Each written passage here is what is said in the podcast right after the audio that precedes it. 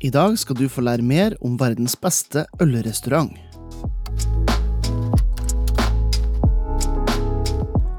Hallo, ølgærninger, og velkommen til Ølprat, podkasten som leverer entusiasme og ølkunnskap rett i øret ditt. Mitt navn er som alltid Jørn Idar, og 2021 går mot slutten. Det er julekaker, det er juleøl, det er julepakker, det er jul i alle kriker og kroker. Jeg håper du ikke blir helt overvelda av alt julefokus denne tida. Jeg vet det kan bli litt mye, men uh, viktig å ta seg en pust i bakken, se litt inn i stearinlyset og kanskje nyte en liten juleøl òg. For min del går mye av tida på å planlegge 2022 og alt det morsomme jeg har lyst til å gjøre, i hvert fall. Smakinga, kurs osv. osv. Jeg tror 2022 kommer til å bli enda travlere enn i år, og det må jeg innrømme at gjør litt godt inn i sjela til en ølmisjonær som meg sjøl, rett og slett. Hvis du vil være den første som får vite hva jeg driver og planlegger, nye eventer og den type ting, så anbefaler jeg å skrive det opp på nyhetsbrevet. Det er link i shownotesen til det, der du kan bare skrive det opp, og så får du en eh, liten ølmail fra meg et par ganger i måneden. Dagens episode har jeg gleda meg lenge til å publisere. Jeg har nemlig fått snakka med Jared Ruben fra verdens eneste tostjerners Michelin-restaurant Moody Tong i Chicago. Så jeg tenker at eh, det er nok snakk fra min side. Det er på tide å fylle kaffekoppen, eventuelt glasset med noe høyt skummende, og lene tilbake for denne episoden av Ølprat.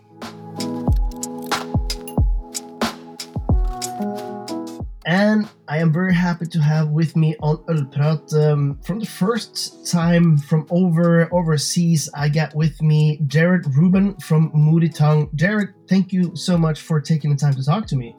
It is my pleasure. I'm excited to be on the podcast today.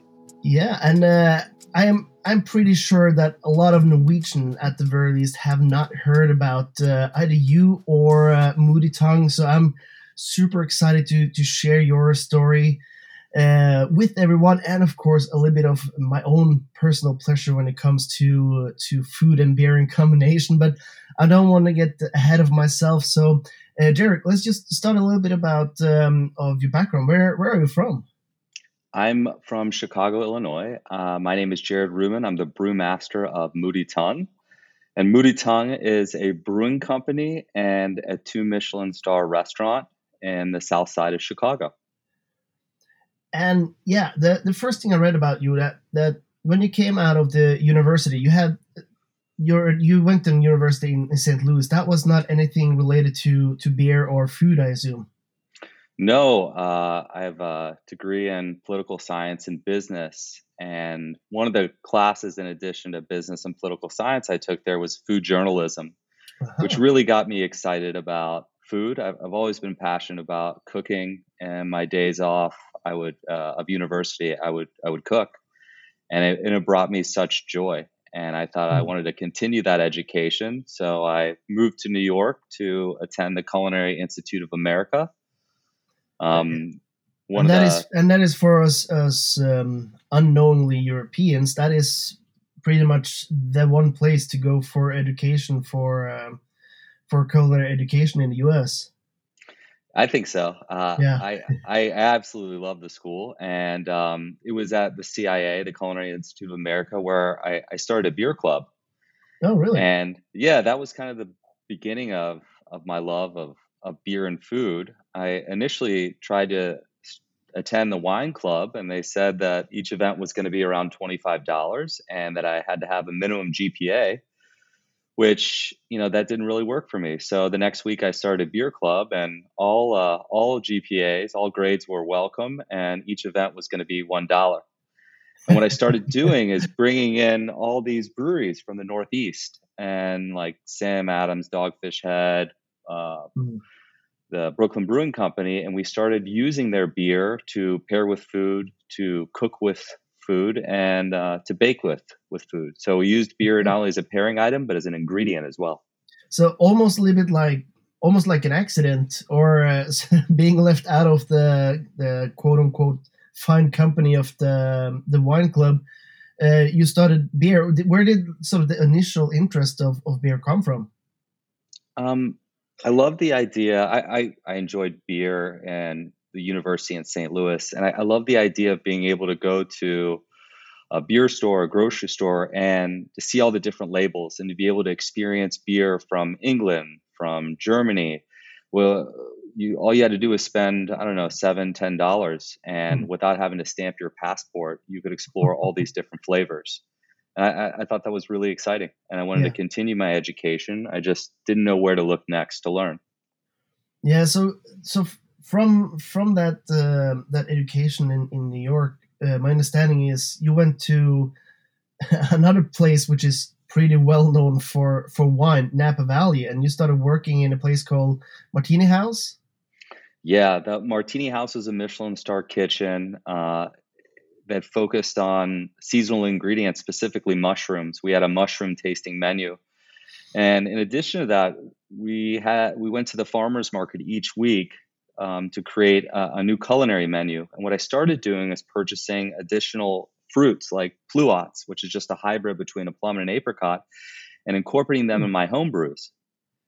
And I felt like I had an aha moment there because all I was doing was taking the same lessons that were taught to me in this Michelin star kitchen and just applying them to brewing. Yeah.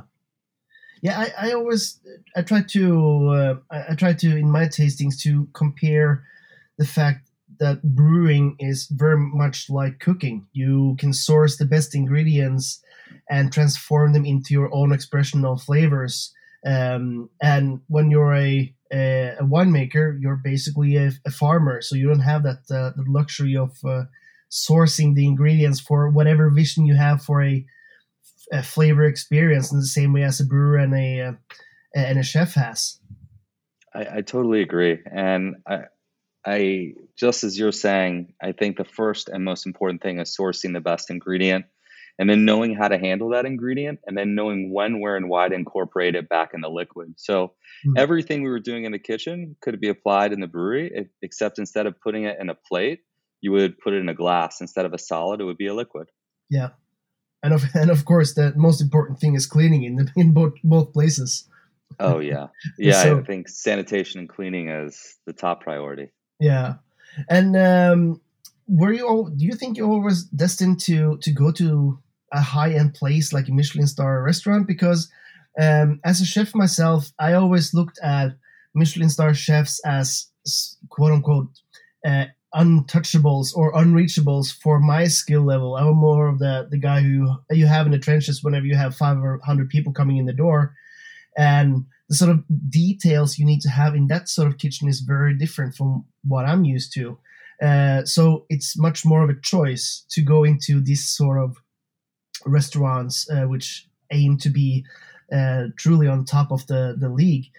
Uh, how how do you do a, a a choice like that? Was it just natural for you to go aiming for the top, or? I think I was attracted to the idea of having access to all these wonderful ingredients, beautiful glassware. Um, I, I, I think giving getting the opportunity to have access to those to those things excited me and i mm-hmm. wanted to bring both of my two favorite things beer and food together and i uh, i thought that would just be uh, a great beginning and mm. only because it, if you're in that kind of environment cleaning is always important and going out of your way to source a great ingredient is is necessary yeah yeah, I, I, agree. The attention to details and, and the raw mm-hmm. material is uh, is second to none when it comes to that level of, of cooking. Agreed. And and did you get tired, or did just your home brewing enthusiasm grow so much that you decided to uh, to become a professional brewer? Uh, no, I, I, don't think I got tired. I, I think I, I see brewing as an extension of cooking um, probably mm. more similar to baking than um, than anything else. I just I I needed guidance.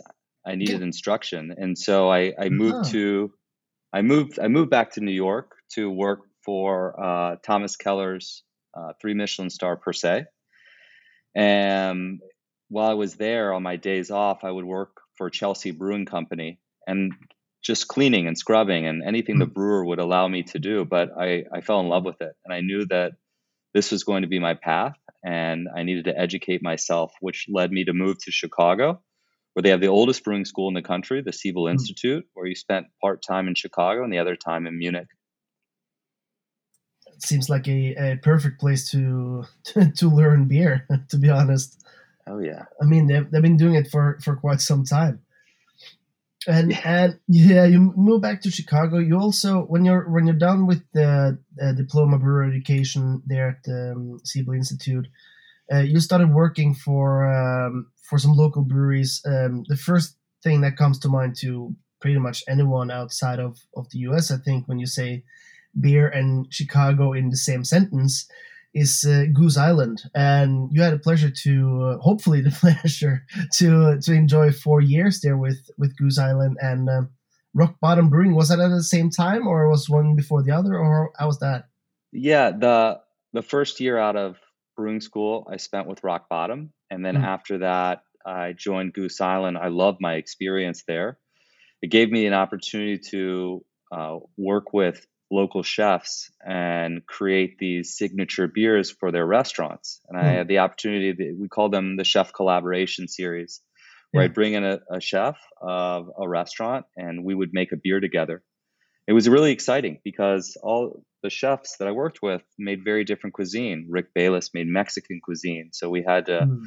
create a food or a beer that would pair really well with his ceviche. Um, Jared Wentworth, the chef of our restaurant here at Moody Tongue, had a, a, French background, and so we created beers that worked with with his palate and for his cuisine. And it very quickly taught me which ingredients to use to hmm. balance mm. flavors of certain genres of food. And in addition to that, I started having access to the farmers that these chefs were using as well. And I started create this series called the Farmers Market series, where I'd go to the farmers market, choose one ingredient from one farm, and highlight it in one keg of beer. Mm. And it allowed me to understand seasonality, um, not only from the farmer's perspective, but from the brewer's perspective as well. And so I was using all these different uh, culinary uh, skills and and just applying it to beer, and it felt very comfortable and natural. Mm. And and of course, going to some a place like the um, I don't really know uh, because now we come to the, the portion of the podcast which I'm really excited about, uh, how to to combine those two. But if we start with with the chefs first, how would a, a typical sit down with uh, one of these chefs you're mentioning in in the the first creations of the beer, the, the idea stage? Um, who who starts with what in in those kind of collaborations? It's a fantastic question. The first thing I do is I would put out a lot of different styles of beer, and I would have the chef taste with me, and I would be taking notes on what aromatics he or she enjoyed, what flavor he or she enjoyed and what taste. And, and I would come up with kind of a, a direction. Mm-hmm. And what was really important and what I really learned was was language and communication. Because if I approached the conversation and said, "Hey, we should use Maris Otter malt," from someone who's never used or experienced Maris Otter malt, it doesn't mean anything to them. But if I if I say uh, I've got a malt that reminds me of English biscuit, um, or a little nutty characteristic, then all of a mm-hmm. sudden we weren't speaking in beer, we are speaking in food. And, and food is a common language. It's something that everyone shares because we've been eating since the day we were born. True. So it, it's a language that we can both communicate in. And that, that conversation would continue uh, when we start to explore hops. Mm. So if instead of saying Chinook, I might say uh, grilled pineapple. Instead of saying galaxy, I might say mango. Yeah. And and so everyone was comfortable with the conversation, and very quickly we we build a, a beer that would be perfect to pair with their cuisine. Mm. I, I, I really enjoy hearing that. One of the my my sort of eye opening talks on his podcast was with Rudi Ghequire, which is the uh, um, yeah brewmaster slash blender of uh, Rodenbach in in Belgium. Makes some fantastic sour beers, and uh, the way he talks about his beers is pretty much the very same thing that you're describing here the balance between sour and sweet and talking about the um, the flavors and not about the the beer in itself. And i find that very fascinating. It's very uncommon for uh, for the brewing world to talk about flavors first instead of ingredients first I, I, I, think it's important for both parties to feel comfortable. And the best way to do that is to understand each other and also to be passionate about what we're speaking to. Uh, the chefs that I worked with enjoyed beer, but I, I, think the real comfort zone for both parties is flavor, taste, and aromatic. And that's something at Moody Tongue we discuss every single day when we're doing a taste circle. And that's whether we're talking to the culinary team or the brewing team. My mm-hmm. ultimate goal was always to break down the wall between the brewery and the kitchen. And the, the best way to do that is to be able to understand each other. Yeah, for sure. Denne episoden er sponsa av kitchenstore.no. Dere vet jo at jeg er over gjennomsnittet interessert i øl og mat i kombinasjon. Det er jo egentlig hele grunnen til at jeg lagde den episoden du sitter og hører på akkurat nå. Eh, og dermed så var jo kitchenstore.no helt naturlig samarbeidspartner for meg. De leverer ølglass i høy, høy, høy kvalitet. De har eh, kniver, de har skjærefjøler, kjøkkenmaskiner, gryte osv. osv. Eh, så en god samarbeidspartner hvis du har lyst til å lage noen gode øl- og matretter hjemme hos deg sjøl. Du kan bruke promokoden OLKOK20 for 20% rabatt på hele butikken. Så hvis du er på utkikk etter å oppgradere ditt eget utstyr på kjøkkenet, eller kanskje bare en julegave til eh, noen du er glad i, så er altså OLKOK20 noe som eh, gir deg 20% rabatt på hele butikken til Kitchen Store. Nå er det på tide å gå tilbake til ølpraten. Some of the some of the things that you had available uh, doing the farmers market series over at, at Goose Islands, um, and I'm I'm sure you have the same the same um, accessibility now to fantastic, call it experimental beer ingredients. What was some of the first sort of uh, eye openers uh, slash uh, mistakes, uh, surprises that you found uh, trying to use new ingredients in in beer? That's a great question. Uh, one of my responsibilities at Goose Island was to come up with a new beer every Wednesday. So you can imagine, I quickly learned what I was good at, what I could, what I could improve upon, and what I should never ever make again. Um, one of the things, one of the, the ingredients that I truly loved is nectarines. Uh, nectarine is a stone fruit, specifically oh, yeah. from Klug Farm, and I think it's delicate and I think it's flavorful, and I think we often overlook it because the the other stone fruits like peaches get all the glory. I love peaches too yeah. and apricots. So I, I, purchased a lot of nectarines and I incorporated into an English IPA, and that eventually became one of our perennial beers at Moody Tongue. But what you'll get with this, what we call our sliced nectarine IPA, is that you get on the nose nectarine skin, and on the palate you get nectarine flesh. Mm. And I love pairing this with with ribs because the idea of painting baby back ribs with with nectarine, peach, or apricot, something that is salty and sweet, I think is is delicious and yeah. fantastic. Yeah, because that's that's the next step for you after four years at, at Goose Island. Uh, in 2014, um, you were one of the co-founders of Moody Tongue Brewing Company uh, in Chicago, um, serving that that first beer. Uh, when the doors opened in, in 2014 did you ever what was the what was the vision back then the vision back then is the same vision we have now which was to incorporate what we call culinary beer which is just taking a chef's mindset to highlight flavors and aromatics and balanced style beer what i wanted to do was really bring to life a lot of flavors that are usually only reserved uh, on restaurant menus.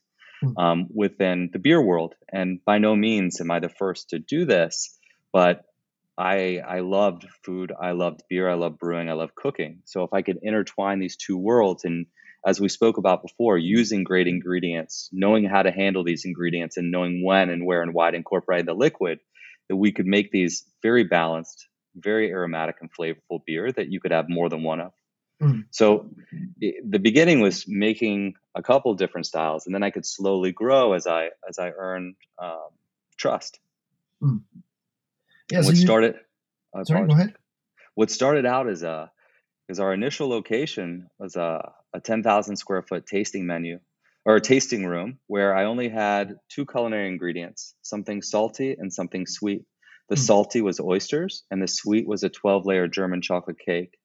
And I, to- I chose these two things because I felt like both of them pair very, very well with beer, but I could have thousands of oysters and never be full.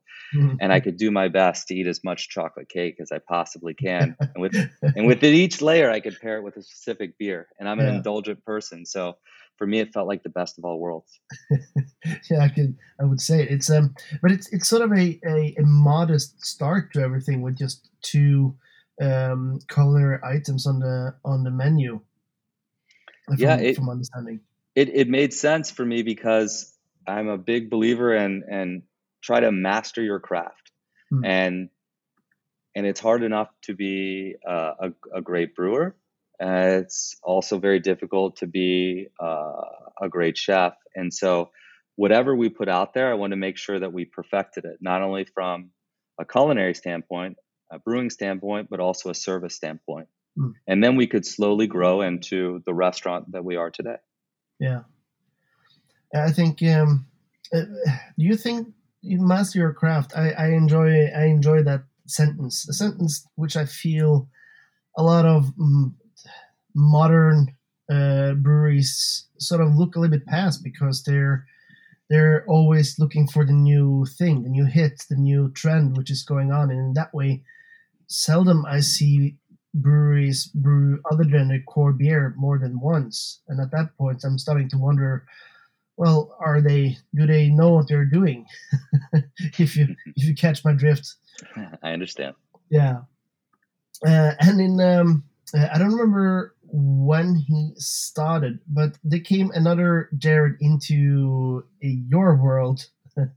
um, 10 time Michelin star chef Jared Wentworth uh, came in. He was not there from the beginning, was he?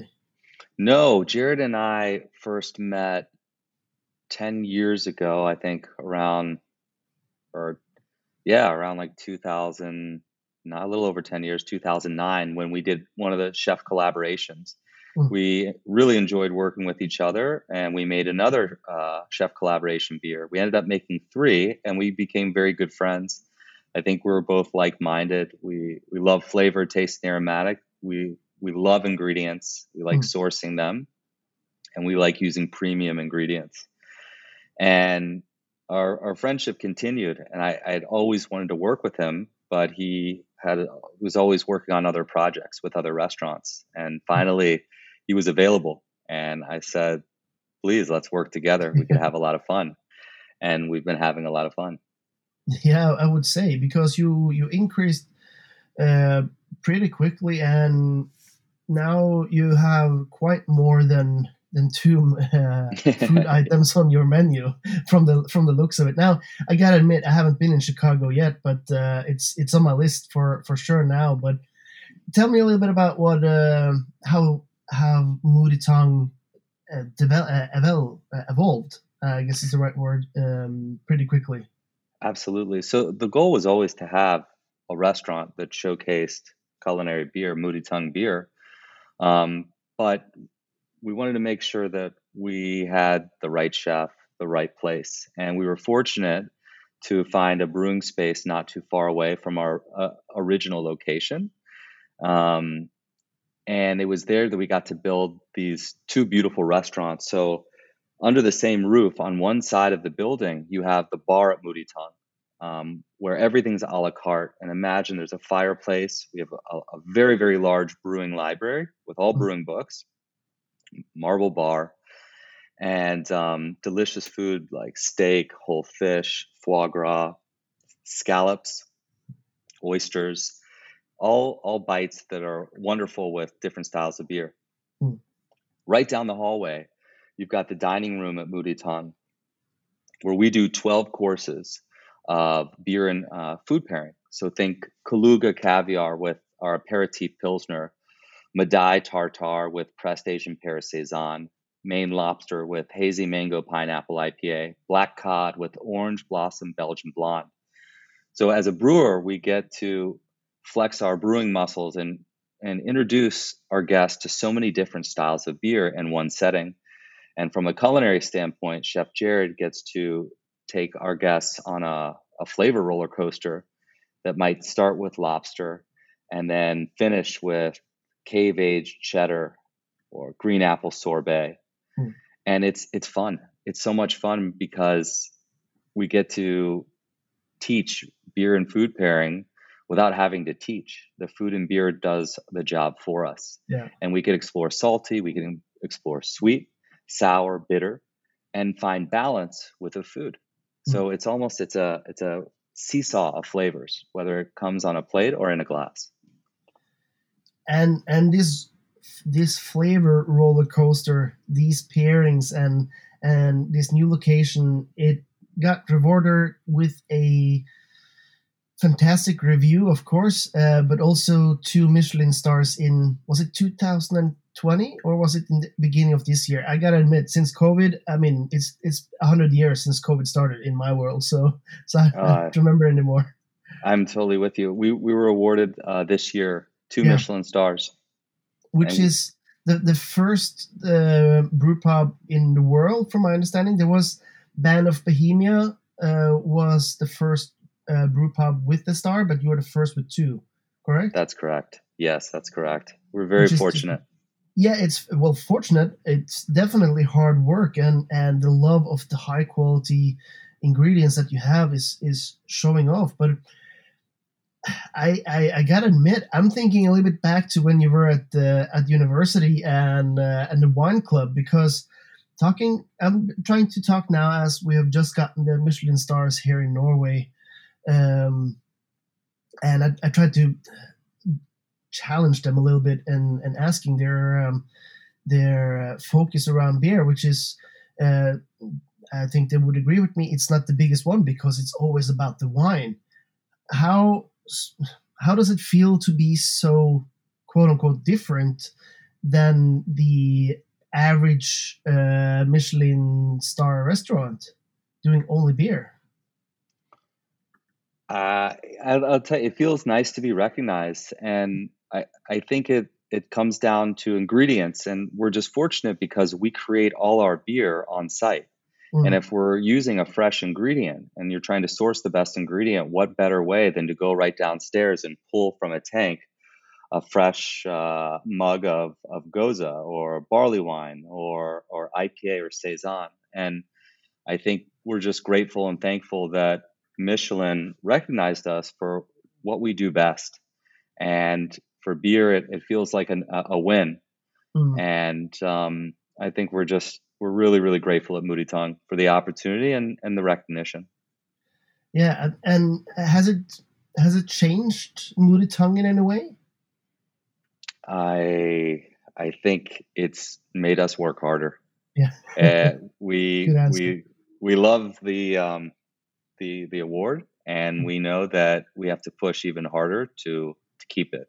Mm. I, one of the, the, the, people that I have um, been very much inspired uh, by when it comes to um, to beer and food.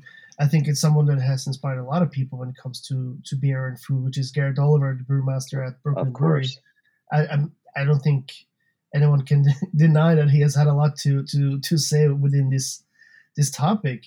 Um, but now that that we who loves beer has a place like Moody Tongue, do you feel like um, I don't know that you have an obligation or a desire to show the world even more the fantastic combinations that can be made through beer and food? I think anytime someone visits us, they're going to experience great beer and food. I think when someone wants to explore a tasting menu that highlights all different styles, we're going to be here for you. And I I think that's exciting. So mm. people have an option, you know, and if if they want to experience what we do here, come visit us in Chicago. And we'll keep doing what we do and each day we'll we'll try to improve. Mm. And that's what we can promise our guests. I think that that makes sense. Uh, you, mentioned a little bit about this uh, culinary brewing, and the first time I don't know where or how or why or what made me find it, uh, but uh, I was uh, I, I, understood that the way I had been brewing beer at home was uh, culinary brewing. Mm-hmm. as soon as I saw as soon as I saw the the philosophy and the, the principles that you you state, one of them uh, one of the the three principles is understanding how best to handle ingredients to showcase flavors and aromatics. What are some of the more strange ingredients you have incorporated in a beer uh, that you you can remember? Well, it, it, I guess it depends on who you ask and what they what they feel is strange. Um, I can tell you some of my favorite ingredients. Yeah. Uh, my absolute favorite ingredient to incorporate in beer is is truffle. Uh, I I love black truffles and white truffles, and I, I feel like rarely do we get the opportunity to experience them in, in the beer industry, and mm. and yet you see them in the uh, in, in many restaurants. And I, I, the aromatics I think are intoxicating. And one of the first beers we created, Moody Tongue, was a shaved black truffle pilsner mm. and it's one of the beers I'm I'm most proud of. It's an ingredient you don't see every day, but it's really important in this beer, and it's a wonderful way to showcase uh, a beautiful aromatic.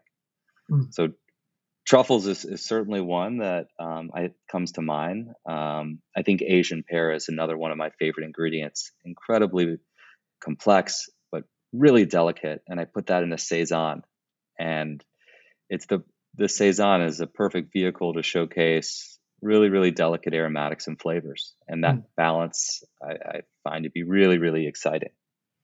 Yeah, because um, that's, that's, one of the things I've been thinking about. Um, of course, we can't get much of, of your beers here in, in Norway, but uh, when I see some of these uh, ingredients you're using, it not all of them are um, as pronounced. Um, you mentioning uh, you mentioning the the nectarine, for instance, uh, lychee. It's not it's not um, ingredients which are really punchy. They're a little bit more nuanced and a little bit more subtle, maybe. How do you go about finding the right culinary ingredient to combine with the right beer style?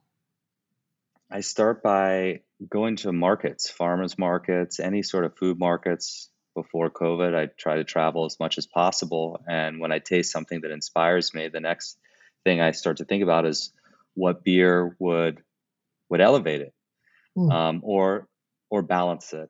Balance is always my ultimate goal, and I think it, the temptation to be heavy-handed is there every time we cook or every time we brew.